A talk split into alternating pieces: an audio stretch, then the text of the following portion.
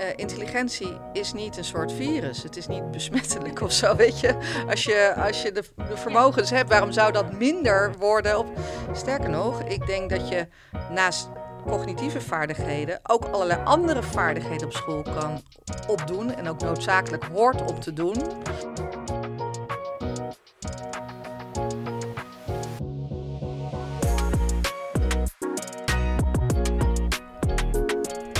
Welkom en leuk dat je luistert naar Bij de Les. Een podcast waarin wij, Annemarie Proost en Neder van Lang, gesprekken voeren over onderwijs vanuit onze dagelijkse praktijk op het Cartesius Lyceum, een school in Amsterdam-West. Dit schooljaar zijn we op zoek naar welke elementen nodig zijn voor goed en inclusief onderwijs. Voor deze aflevering waren we op bezoek op het stadhuis bij Marjolein Moorman, wethouder onderwijs, jeugdzorg en armoede van de gemeente Amsterdam. Al ruim 10 jaar is zij actief in de Amsterdamse politiek voor de PvdA en sinds 2018 is ze onze wethouder van onderwijs. In die rol zet zij zich in voor kansengelijkheid en dat is ook het onderwerp waar we graag met haar over in gesprek wilden. Want hoe ziet zij de huidige situatie in het Amsterdamse onderwijs? Wat zijn volgens haar de struikelblokken, maar ook de kansen? En hoe kunnen we in een gepolariseerde samenleving toch de verbinding blijven vinden? Ja, Test, test. test, test. Ja. Ja. Misschien dat ja, iets harder. Oké. Ik moet altijd wat zachter. Ja, je moet minder gillen.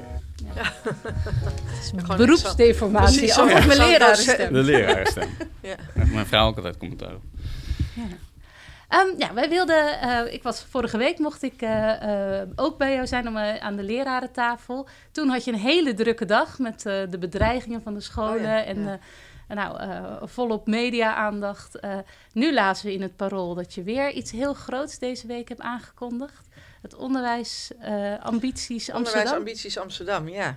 Dus elke week zo druk?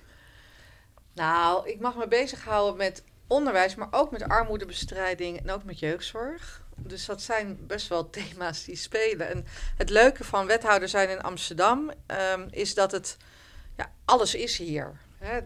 Sowieso natuurlijk 900.000 eh, bewoners. Maar eigenlijk alle thematiek die je voorbij ziet komen op het nieuws, die speelt ook in Amsterdam. Het is alleen heel dichtbij. Dat is heerlijk te gaan. Hè. Je kan overal naartoe fietsen. Ja. Ja. Dat lijkt me Dus eh, nee, het is, het is uiteindelijk altijd zo druk als je het zelf maakt. Maar er is altijd heel veel te doen, ja. ja, ja. nou, lijkt bijna het onderwijs. Dat is net een school inderdaad. Ja. Ja, want dat is natuurlijk, dat zeggen wij ook heel vaak over onze school. Hè? Van alles wat er in Amsterdam speelt, speelt op onze Ja, school. Precies, en dat is is gewoon een ja, mini-samenleving. super gaaf en Ja. ook soms, soms ingewikkeld. Eh, ehm, en wij dachten, ehm, ja, in het paroolstuk stond eh, een quote van jou van... de druk op de scholen is op dit moment te groot. ja. En we zeiden, de, dat zien wij eigenlijk ook, dat er, eh, dat er heel veel tegelijkertijd speelt. En wij vroegen ons af, want bij ons op school zien we dat er daardoor, en eigenlijk in de hele samenleving zien we dat wel eh, in het onderwijs, dat er eigenlijk twee richtingen ontstaan. Hè? Van hoe gaan we om met de problematiek en de Mhm. druk die scholen ervaren. Eh, aan de ene kant zien we heel erg mensen die zeggen, nou heel erg op de kwaliteit, basisvaardigheden, kwalificeren, diploma's halen. En aan de andere kant autonomie en eh, Hm. wat meer juist op die, op die personificatie. ja. Ehm, hoe zie jij dat? Want, want je spreekt over kwalitatief goed onderwijs. Ja. Waar, waar denk je ja, aan? en precies. En dan is het dus, wat is dan kwaliteit? Hè? En Ja. daar is dan al meteen heel veel misverstand over. En dan worden mensen al boos op elkaar voordat ze überhaupt aan elkaar hebben gevraagd: wat is dan kwaliteit? Mhm. En dus dat kreeg ik ook al wel in reacties. Hè? Ja, maar het is toch veel meer dan alleen maar goed leren lezen en rekenen. Dat heb ik ook niet gezegd dat het niet zo is. Ik denk eh, dat kwaliteit betekent dat je kinderen goed voorbereidt op een toekomst. En ja, dat betekent basisvaardigheden. Het heet ook niet voor niks de basisvaardigheden. Die moeten op orde zijn. Maar je wordt veel meer dan alleen maar iemand die cognitief geschoold is op school. Maar ook gewoon een burger. Iemand die meedoet in de samenleving. Dus ook dat, hè, dus persoonsvorming, socialisatie, met elkaar om leren gaan, dat is minstens zo belangrijk. En dat betekent dat het ook een veilig schoolklimaat moet zijn met een goed pedagogische visie. En dat moet allemaal. Nou, en, ook daarin kom je dan meteen weer in de discussie. Maar dat moet dan onderwijs allemaal doen. En we Mm. hebben het al zo druk en er is al zoveel. Dat realiseer ik me ook heel erg goed. En precies daarom zeg ik, we moeten die druk niet zo hoog maken. Hè? Dus wat ik eh, gek vind in Nederland, is dat wij eh, heel snel kinderen door het onderwijs heen willen jagen. Uh, wetende dat er kinderen met allerlei verschillende achtergronden en met allerlei verschillende talenten diezelfde route door moeten, hebben we toch de neiging om daar heel veel druk op te leggen. En die prestatiedruk is de afgelopen jaren natuurlijk alleen maar toegenomen. En dat is niet goed voor de kinderen, voor alle kinderen overigens. Hè.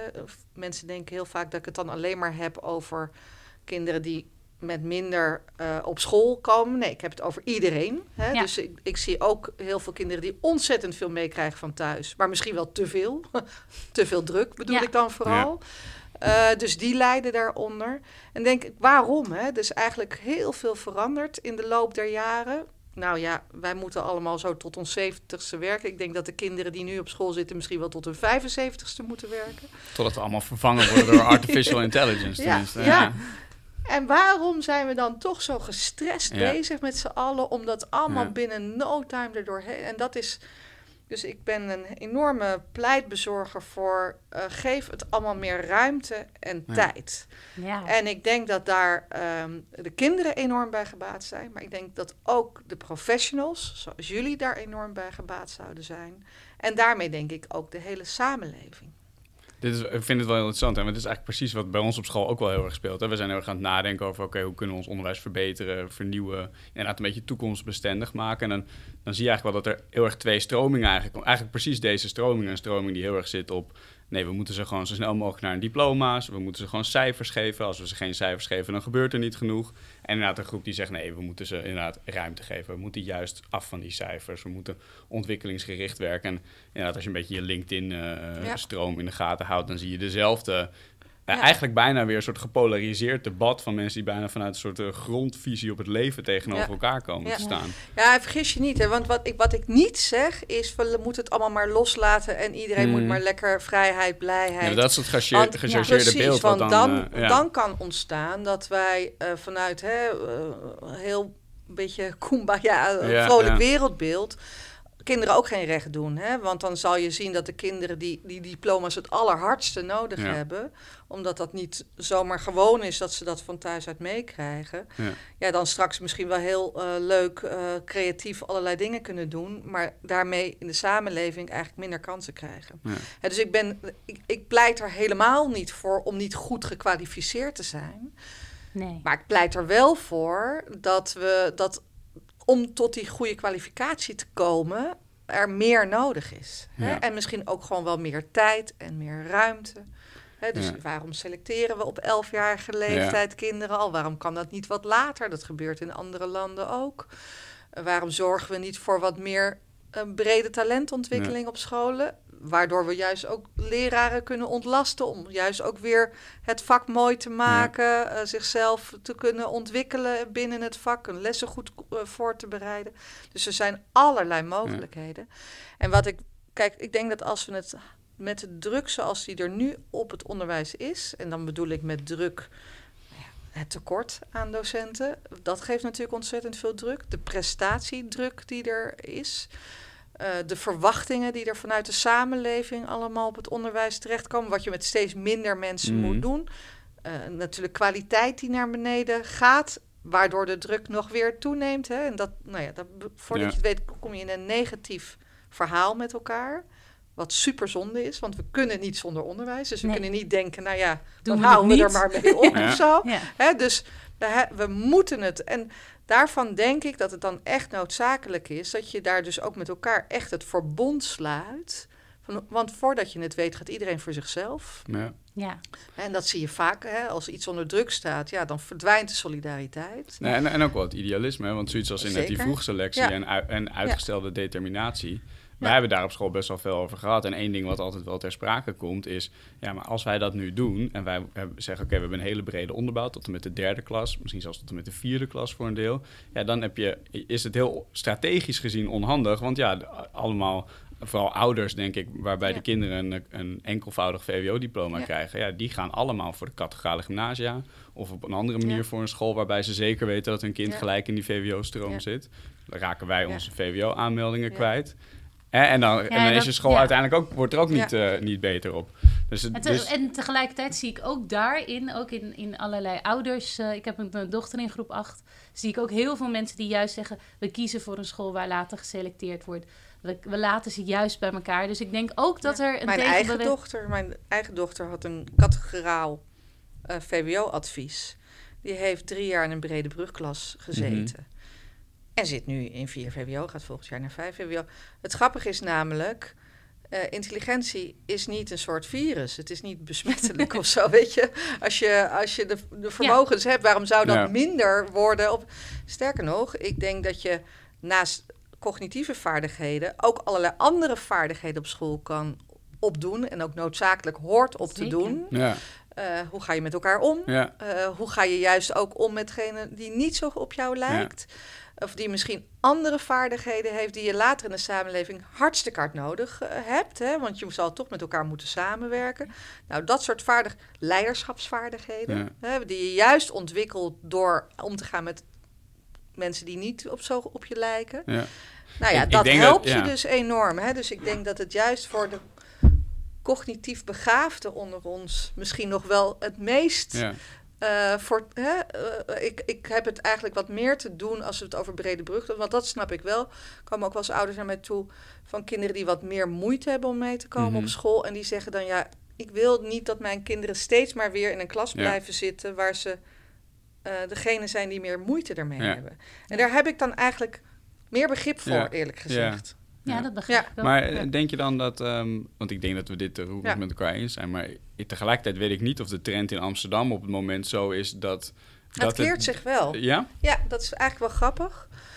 Dus toen ik vijf jaar geleden, ik was voordat ik wethouder werd, zat ik ook al acht jaar in de raad. Dus ik mhm. heb, maak ook al jaren dat hele circus rondom loting en matching uh, mee.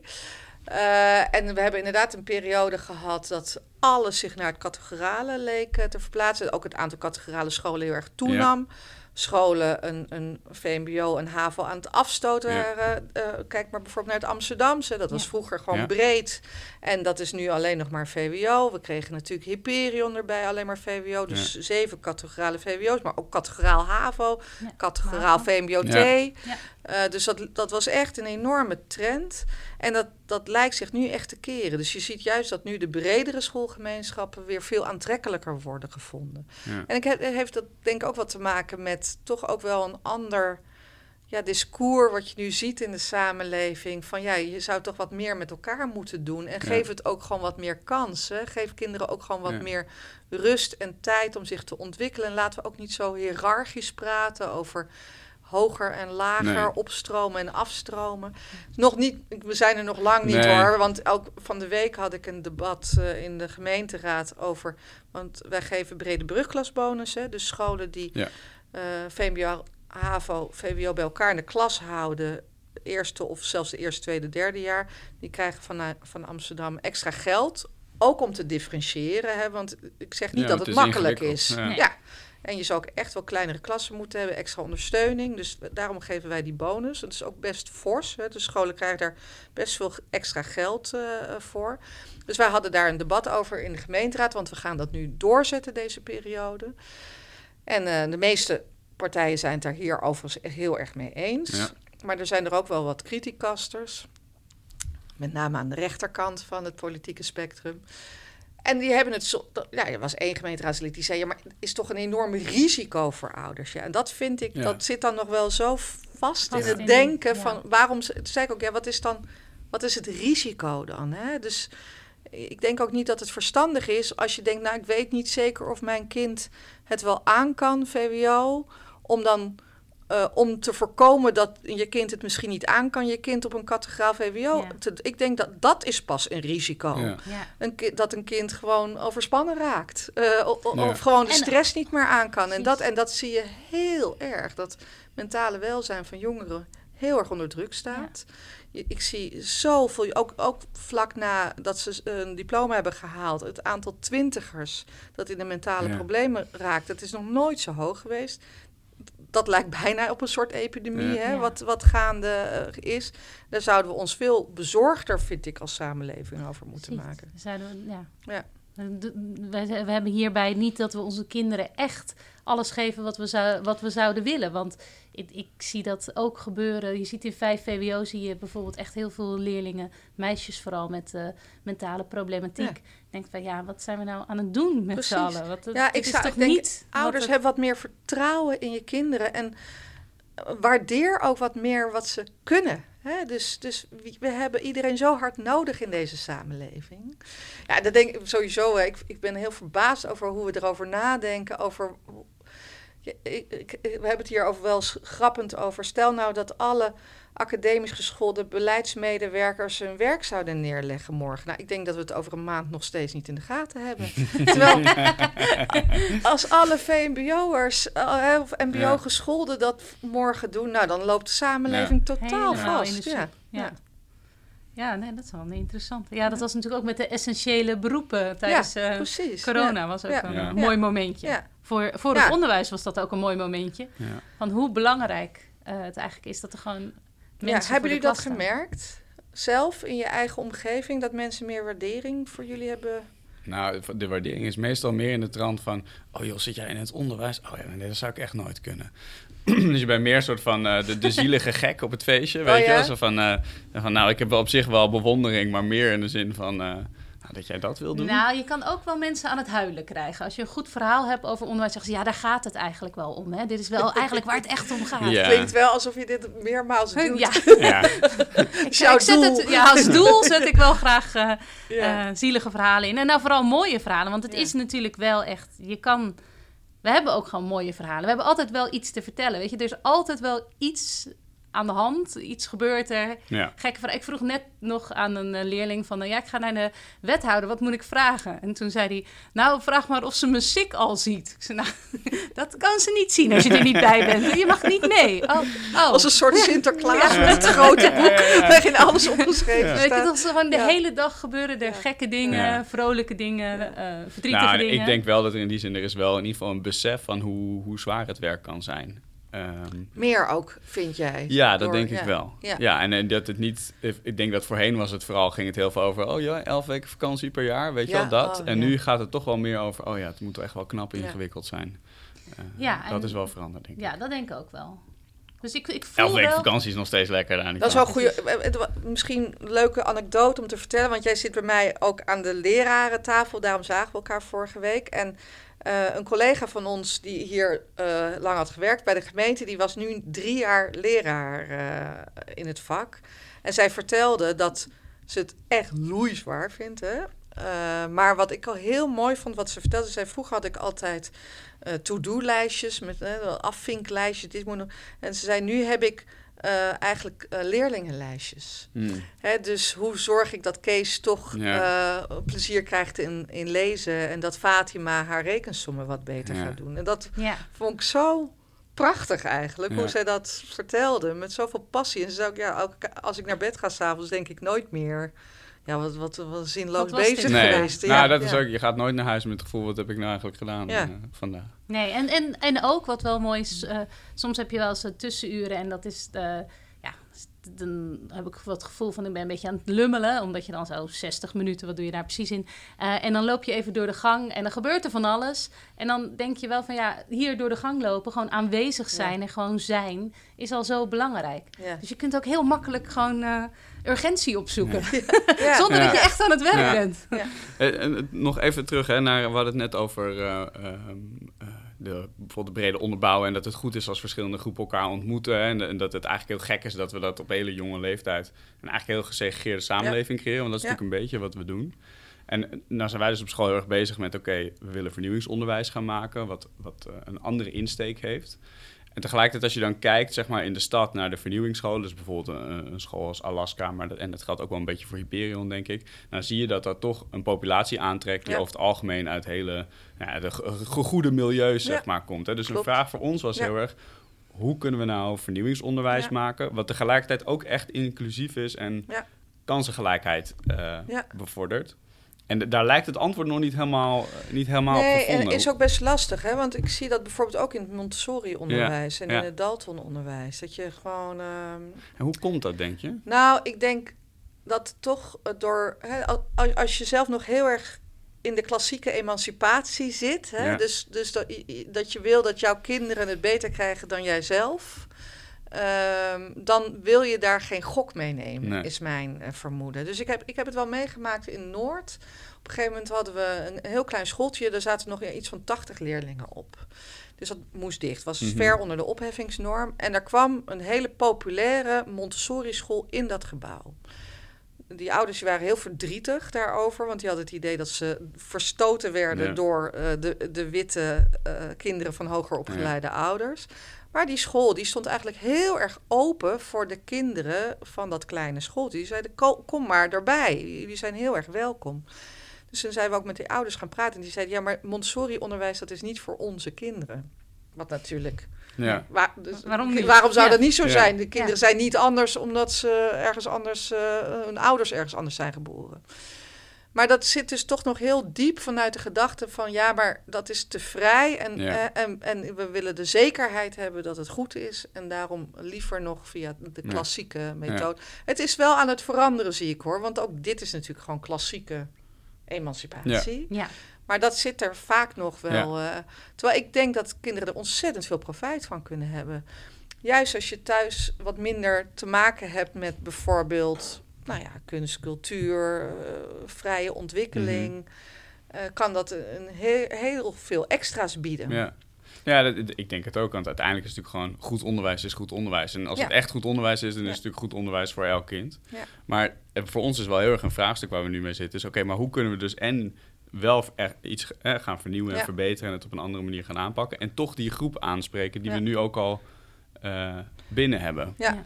Het is echt een heel goed, goede vraag. Want voordat je het weet, draait het zich ook weer om. Hè? Ja, dat zie ik ook wel. Dat het mag nooit zo zijn dat je een conceptschool maakt om daarmee een bepaalde populatie aan te trekken. Nee, want je moet die wel- misschien ja. kansrijker zou zijn, waardoor je resultaten omhoog gaan. Ja. Nou ja, ik ben Ja, bang dat ook Ja. dat gebeurt. Ja, zeker. zeker. Ja. Ja. Ja. Ja. Nou ja, en, maar wij- hadden bijvoorbeeld, we hebben nu in, in brainstorms hebben we gedacht van, nou, het zit deels ook in communicatie. Hoe noem je dingen? Hoe, eh, ja, je kan, als je een school geeft waar kinderen veel meer autonomie hebben, kan je natuurlijk wel zeggen, ze hebben superveel structuur, ze krijgen heel veel begeleiding. Dan krijg je natuurlijk een heel ander verhaal dan als je zegt, hier mag je lekker jezelf zijn. Want dat is dan een beetje jezelf zijn. Eh, Doe maar, ga maar gewoon een eh, VWO-diploma halen. Dus dat, daar zijn we wel heel erg van, daar, daar zit het deels in. Maar we zijn er nog niet helemaal Nee. achter waar je echt goed inclusief onderwijs kan. Nou, ik denk dat je, heel, dat je heel erg, hier heel erg gelijk in hebt. Wat is inderdaad de boodschap en hoe is de communicatie? Kijk, ik vind dat interessant, hè? want eigenlijk als je ook kijkt naar vrije schoolonderwijs, het is juist in sommige opzichten heel erg gestructureerd. Ja. Ja. Hè? Eh, en juist heel erg voorgeschreven rigide, hoe je, ja. bijna rigide, ja, hoe je dingen doet. Eh, eh, toch is het beeld daarvan een ander. Ja. Ja, Hè, dus, ik, dus ik denk als je meer redeneert van we gaan gewoon het allerbeste bieden. En hè, we hebben ook, dat is op zich wel mooi aan Nederland. Hè? Eh, er valt van alles en nog wat te zeggen over artikel 23 en de autonomie van onderwijs. En dat dat nou ja, heeft ook tot hele grote kwaliteitsverschillen geleid. Daar vind ik ook best wel heel Ja. veel van. En ook soms wel eh, tot hè, iedereen mag maar een school oprichten. Ja. Eh, waarbij je je af kan vragen of dat wel verstandig is dat mensen dat doen. en of ze daar wel de juiste intenties bij hebben. Het mooie is wel dat het ook wel de ruimte heeft gegeven voor nou, conceptonderwijs, wat ook echt wel wat te bieden heeft. ja. Montessori-onderwijs is in andere landen vaak niet eh, bekostigd door de staat. Ja. Wat heel erg zonde Ja. is. Want het is mooi dat we het hebben, dat soort type onderwijs. Ja. Ehm, dus dat, nou ja, die ruimte die is er en die kunnen we dus ook benutten. Maar wel altijd vanuit, ja, wat biedt dit voor leerlingen? Ja. Ja, want wij zaten zelf ook nog te denken van vernieuwingsonderwijs. We zien eigenlijk dat de lerarentekorten op de vernieuwingsscholen veel kleiner zijn. Ja. Ehm, dus voor het vak doet het duidelijk wat als Ja. we in de vernieuwing zitten. Als we ook onszelf als professionals zien. Dus niet alleen Ja. maar als redder of Nee. als uitgebluste leraar die van, Ja. van vakantie naar vakantie gaat. Maar gewoon echt als professional. Je wil Ja. iets bereiken. met de- Autonomie over je vak. Ja. Ja. ja. dus, dus ik denk ook dat het, dat, dat het vernieuwingsonderwijs heel belangrijk is om het vak aantrekkelijk Ja. te houden. Als het maar niet het vernieuwen om het vernieuwen wordt. Nee, Nee. Ja, is ook wel een dus- beetje problematisch aan Ja. die term altijd. En, Ja. en tegelijkertijd, wat ik er ook wel moeilijk aan vind, is dat je, eh, je, je draagt ergens ook weer bij aan dat stapeleffect. Hè. Het zijn juist dan ook weer de kinderen die het het minst nodig hebben, die het uiteindelijk het beste hebben. Want die hebben inderdaad die ambitieuze, eh, jonge, noem maar op, eh, docenten. Terwijl inderdaad in, eh, in Nieuw-West eh, het lerarentekort schrijnend is. Ja, en wij bijvoorbeeld als school op Randje West daar heel veel last van hebben. Dat we gewoon zien dat sommige kinderen ja, in groep 8, eh, groep 6, 7, 8 te veel leraren hebben gehad, te veel Zeker. uitvallen. Ja. Dat is gewoon heel verdrietig, want ja, En zij worden er uiteindelijk op afgerekend. Hè? Ja. ja, Dat vind ik eigenlijk het allerergste. Dus je hebt er als kind niks in te kiezen. Het is wat Nee. je eigenlijk overkomt. Ja, en dan zie je ook nog dat er heel veel verschillen zijn, inderdaad. Hè. In Nieuw-West een kwart van de leraren Ja. tekort. Eh, Is er gewoon niet. Dus je hebt daar een veel grotere kans dat je in een klas komt waar geen vaste leraar. Nou, ja, het effect daarvan natuurlijk op jouw leerresultaten, die is eh, natuurlijk Mhm. eh, hè, Ja. navenant. Maar uiteindelijk ben jij degene die daar eh, Ja. de zure vruchten van plukt. Ja. Ja. Nou, en ik denk dat we bij ons op school ook wel echt zien. Wij zijn echt, echt wel een diverse school. Dus we Ja. hebben ook kinderen die inderdaad van dat soort scholen Ja. komen. Die met verhalen binnenkomen. Ja. Vanuit, vanaf groep 6 eh negen verschillende Ja. leerkrachten Ja. voor de klas gehad, weet je wel. En we hebben kinderen die uit Zuid komen of uit de Maar Oost. jullie of vragen uit daar Noord. dus ook wel om. Jullie kijken wel goed naar wat is er gebeurd Nou ja, voor... We hebben bijvoorbeeld nu, we- onze brugklassen gaan eigenlijk over, over, het algemeen hartstikke goed. Maar we hebben één klas specifiek waar best wel qua groepsdynamiek veel gebeurt. En daar zijn we wel het gesprek mee aangegaan. Ja. En dan komen inderdaad heel veel van dit soort gesprekken naar voren. En, en ook dus dat, wij zien een klas zich gedragen en we denken, dit is eigenlijk heel, heel gek wat hier gebeurt. Dit gaat grenzen over. En dat voor die kinderen is het eigenlijk normaal. Want die zijn dit al jarenlang zo gewend Ja. dat ze eh, niet heel bewust, maar wel de baas zijn eigenlijk in de klas. En Ja. dat, dit komt een nieuwe leerkracht. Nou, kijken of we die ook aan het huilen kunnen Ja. maken. Het, is- het is te schrijnend voor woorden, weet je wel. Ehm, en, maar, de- en ja, maar dat je kan niet dan... van kinderen verwachten dat ze Nee. doorhebben dat ze daarmee uiteindelijk een eigen Nee, toekomst... en ze zijn Ja. gesocialiseerd door hun Precies. omgeving ook. Dus Ja. dat is wat ze gewend zijn. Maar die komen er wel ook in de klas bij kinderen die eh, nou, van scholen komen die wel heel stabiel zijn. En dat clasht dan natuurlijk ook enorm. Want die kinderen die van scholen komen waar het wel eh, goed gaat, die schrikken zich ook een hoedje Ja. op het moment dat ze in de klas komen bij kinderen die heel iets anders gewend zijn. Ja, En dat is denk ik specifiek bij ons als, als een soort diverse school ook wel echt moeilijk. De groep is zo, eh, eh, zo verschillend dat het als docent of als gewoon als organisatie ook echt wel ingewikkeld kan zijn om nou te bepalen welke aanpak moeten we nu kiezen. Want de aanpak die aansluit op die groep, Ja. die sluit helemaal niet aan op diezelfde groep of een andere groep maar in dat dezelfde is ook klas. zo. Hè? Dus al- als ik met mensen in discussie kom over hè, hoe, hoe doorbreken we segregatie... Mhm. Of hoe zorgen we ervoor dat die vroegselectie kinderen niet zo in de weg zit. En Ja. laat, dan is altijd het argument, ja, maar het is zo ingewikkeld Ja. om te differentiëren. Eh, en dat, dat is ook zo. Ja. Dus ik denk ook niet dat we dat eh, ergens eh, hè, moeten bagatelliseren. Dan is vooral de vraag, ja, wat heb je dan nodig om Ja. dat wel te kunnen doen? Ja. Hè? Betere ondersteuning. Oh, nou, dan kom ik weer met ruimte en tijd om dat ja, te, maar te dat is het wel ja, echt. Ja, Ja. ja. Nou, en ik denk ook wel dat daar de succesverhalen eh, gedeeld moeten worden. Want ik denk bijvoorbeeld eh, oud-leerlingen eh, van ons die ehm, sociologie, sociologie bijvoorbeeld gingen studeren. En die zeiden, ik kwam op een school, eh, of ik kwam op de UvA en daar zaten allemaal kinderen. En die hadden eigenlijk nog nooit met iemand gepraat die van de Marokkaanse migratieachtergrond. Ja, ik Ja. zat erbij in de klas en ik weet dat het ook soms heel moeilijk was als Ja. er Paarse Vrijdag was Ja, en er ja. echt heftige discussies in de klas waren. Maar ik durfde het wel aan Ja. te gaan en ik durfde er ook op een andere manier over te praten, omdat ik het al gedaan had. En ik denk Ja. wel dat dat zijn de ouders. Ervaringskennis opgedaan. Ja, en ik denk ook dat heel veel ouders, als ze dat echt zouden weten, denk ik van ja, ik, je helpt je kind ook verder als je het aandurft om, om een beetje spanning in de klas. Aan de andere kant wil je ook dat je kind niet. eh, eh, ja, dat ze zich veilig voelen en, en, en eh, fijn hebben in de klas hebben, en ja. aansluiting hebben. Dus het, het zijn echt wel hele moeilijke dingen die we bij elkaar proberen te brengen in het onderwijs. Nee, zeker. En ik denk ook dat je daar begrip voor... Ik heb het ook wel eens met ouders gehad over bijvoorbeeld... eh, een lesbische echtpaar die het dan echt wel, nou ja, soms dat, hè, hun kinderen, dat ze zich daar zorgen over maakten. Ja. Het ging ook over een school waar er nou, best wel wat problemen waren rondom Paarse Vrijdag bijvoorbeeld, rondom het gesprek Ja. voeren over LHBTIQ+. Ja, ik snap die zorgen heel erg goed. Maar het verdwijnt niet als je elkaar niet meer ontmoet. Nee. Sterker nog, dan wordt het alleen maar erger. Ja. ja. En we zijn eh, bijna door de tijd heen. Als laatste vraag, want je loopt natuurlijk nu best al wel lang rond in het Amsterdamse onderwijs. We vroegen ons ook wel af, ook om een beetje op een positieve noot te eindigen. Ehm, wat is nou de, de soort meest bijzondere ervaring of, of iets wat je meegemaakt hebt in die vijf jaar in het onderwijs hier? Nou, ik ben wel heel erg blij.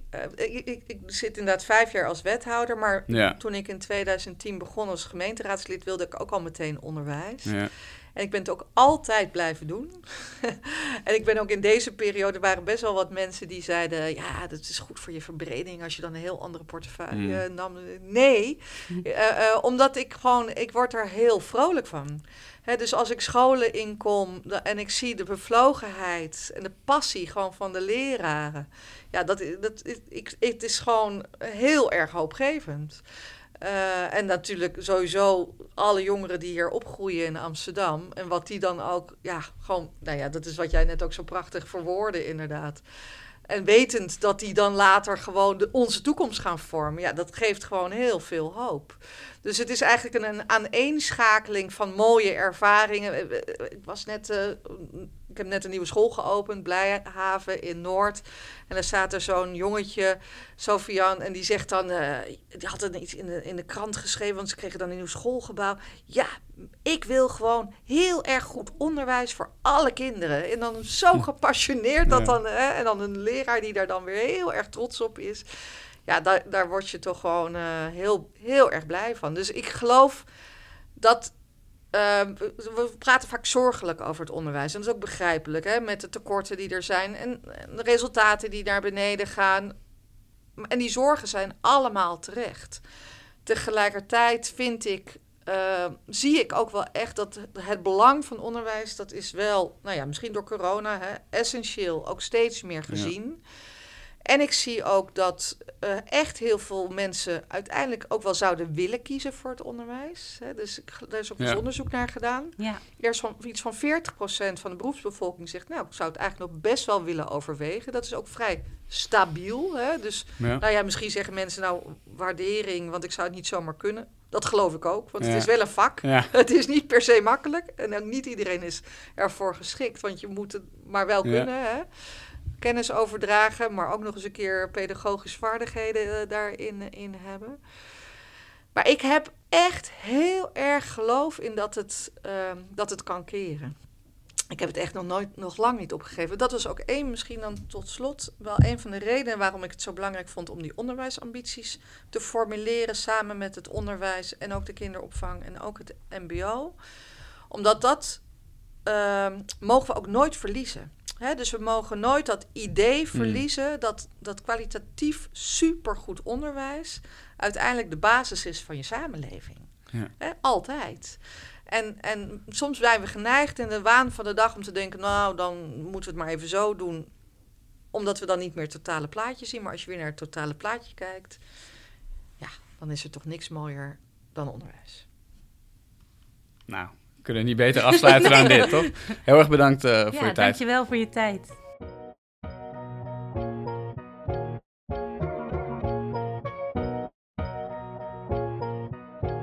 We lopen de stoper uit. Uh, staat nu uh, bij de Amstel, bij het uh, prachtige beeld van uh, Baruch de Spinoza. We hebben net een gesprek gehad met Marjolein Moorman. Ja, het was echt een heel leuk gesprek, vond ik. Ik vond dat zij echt heel mooi haar passie voor onderwijs kan vertellen.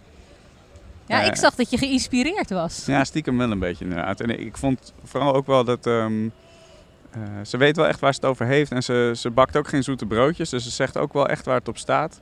Maar ze is tegelijkertijd ook wel heel uh, hoopgevend en uh, gepassioneerd. Ja, ik vond echt wel moreel leiderschap. Ik zou het toch een keer willen zeggen. Vond ik echt wel. nee, ik merkte echt dat ik. Merkte ook in haar, haar boodschap over hoop. Hoe belangrijk het onderwijs is. Maar ook dat we nooit mogen opgeven om het beste onderwijs voor elk eh, kind te willen. Dat dat uh, ja, gaf me eigenlijk ook heel veel hoop van we gaan gewoon door. En het komt goed, want het, het onderwijs als. Um, als onderdeel van de samenleving is te belangrijk om ooit op te kunnen geven. Ja. Dus dat was wel eh, de beste gedachte inderdaad. Hè? Ja. Laten we misschien moeten we daar ook gewoon uh, daarbij laten. Behalve natuurlijk dat we nog moeten zeggen, als je het een leuke aflevering vond, vergeet dan niet te abonneren of een recensie achter te laten. Dat helpt ons weer heel erg om uh, nieuwe mensen te bereiken. Ja. En uh, dank jullie wel voor het luisteren. Ja. Tot de volgende keer. Doei. Doei.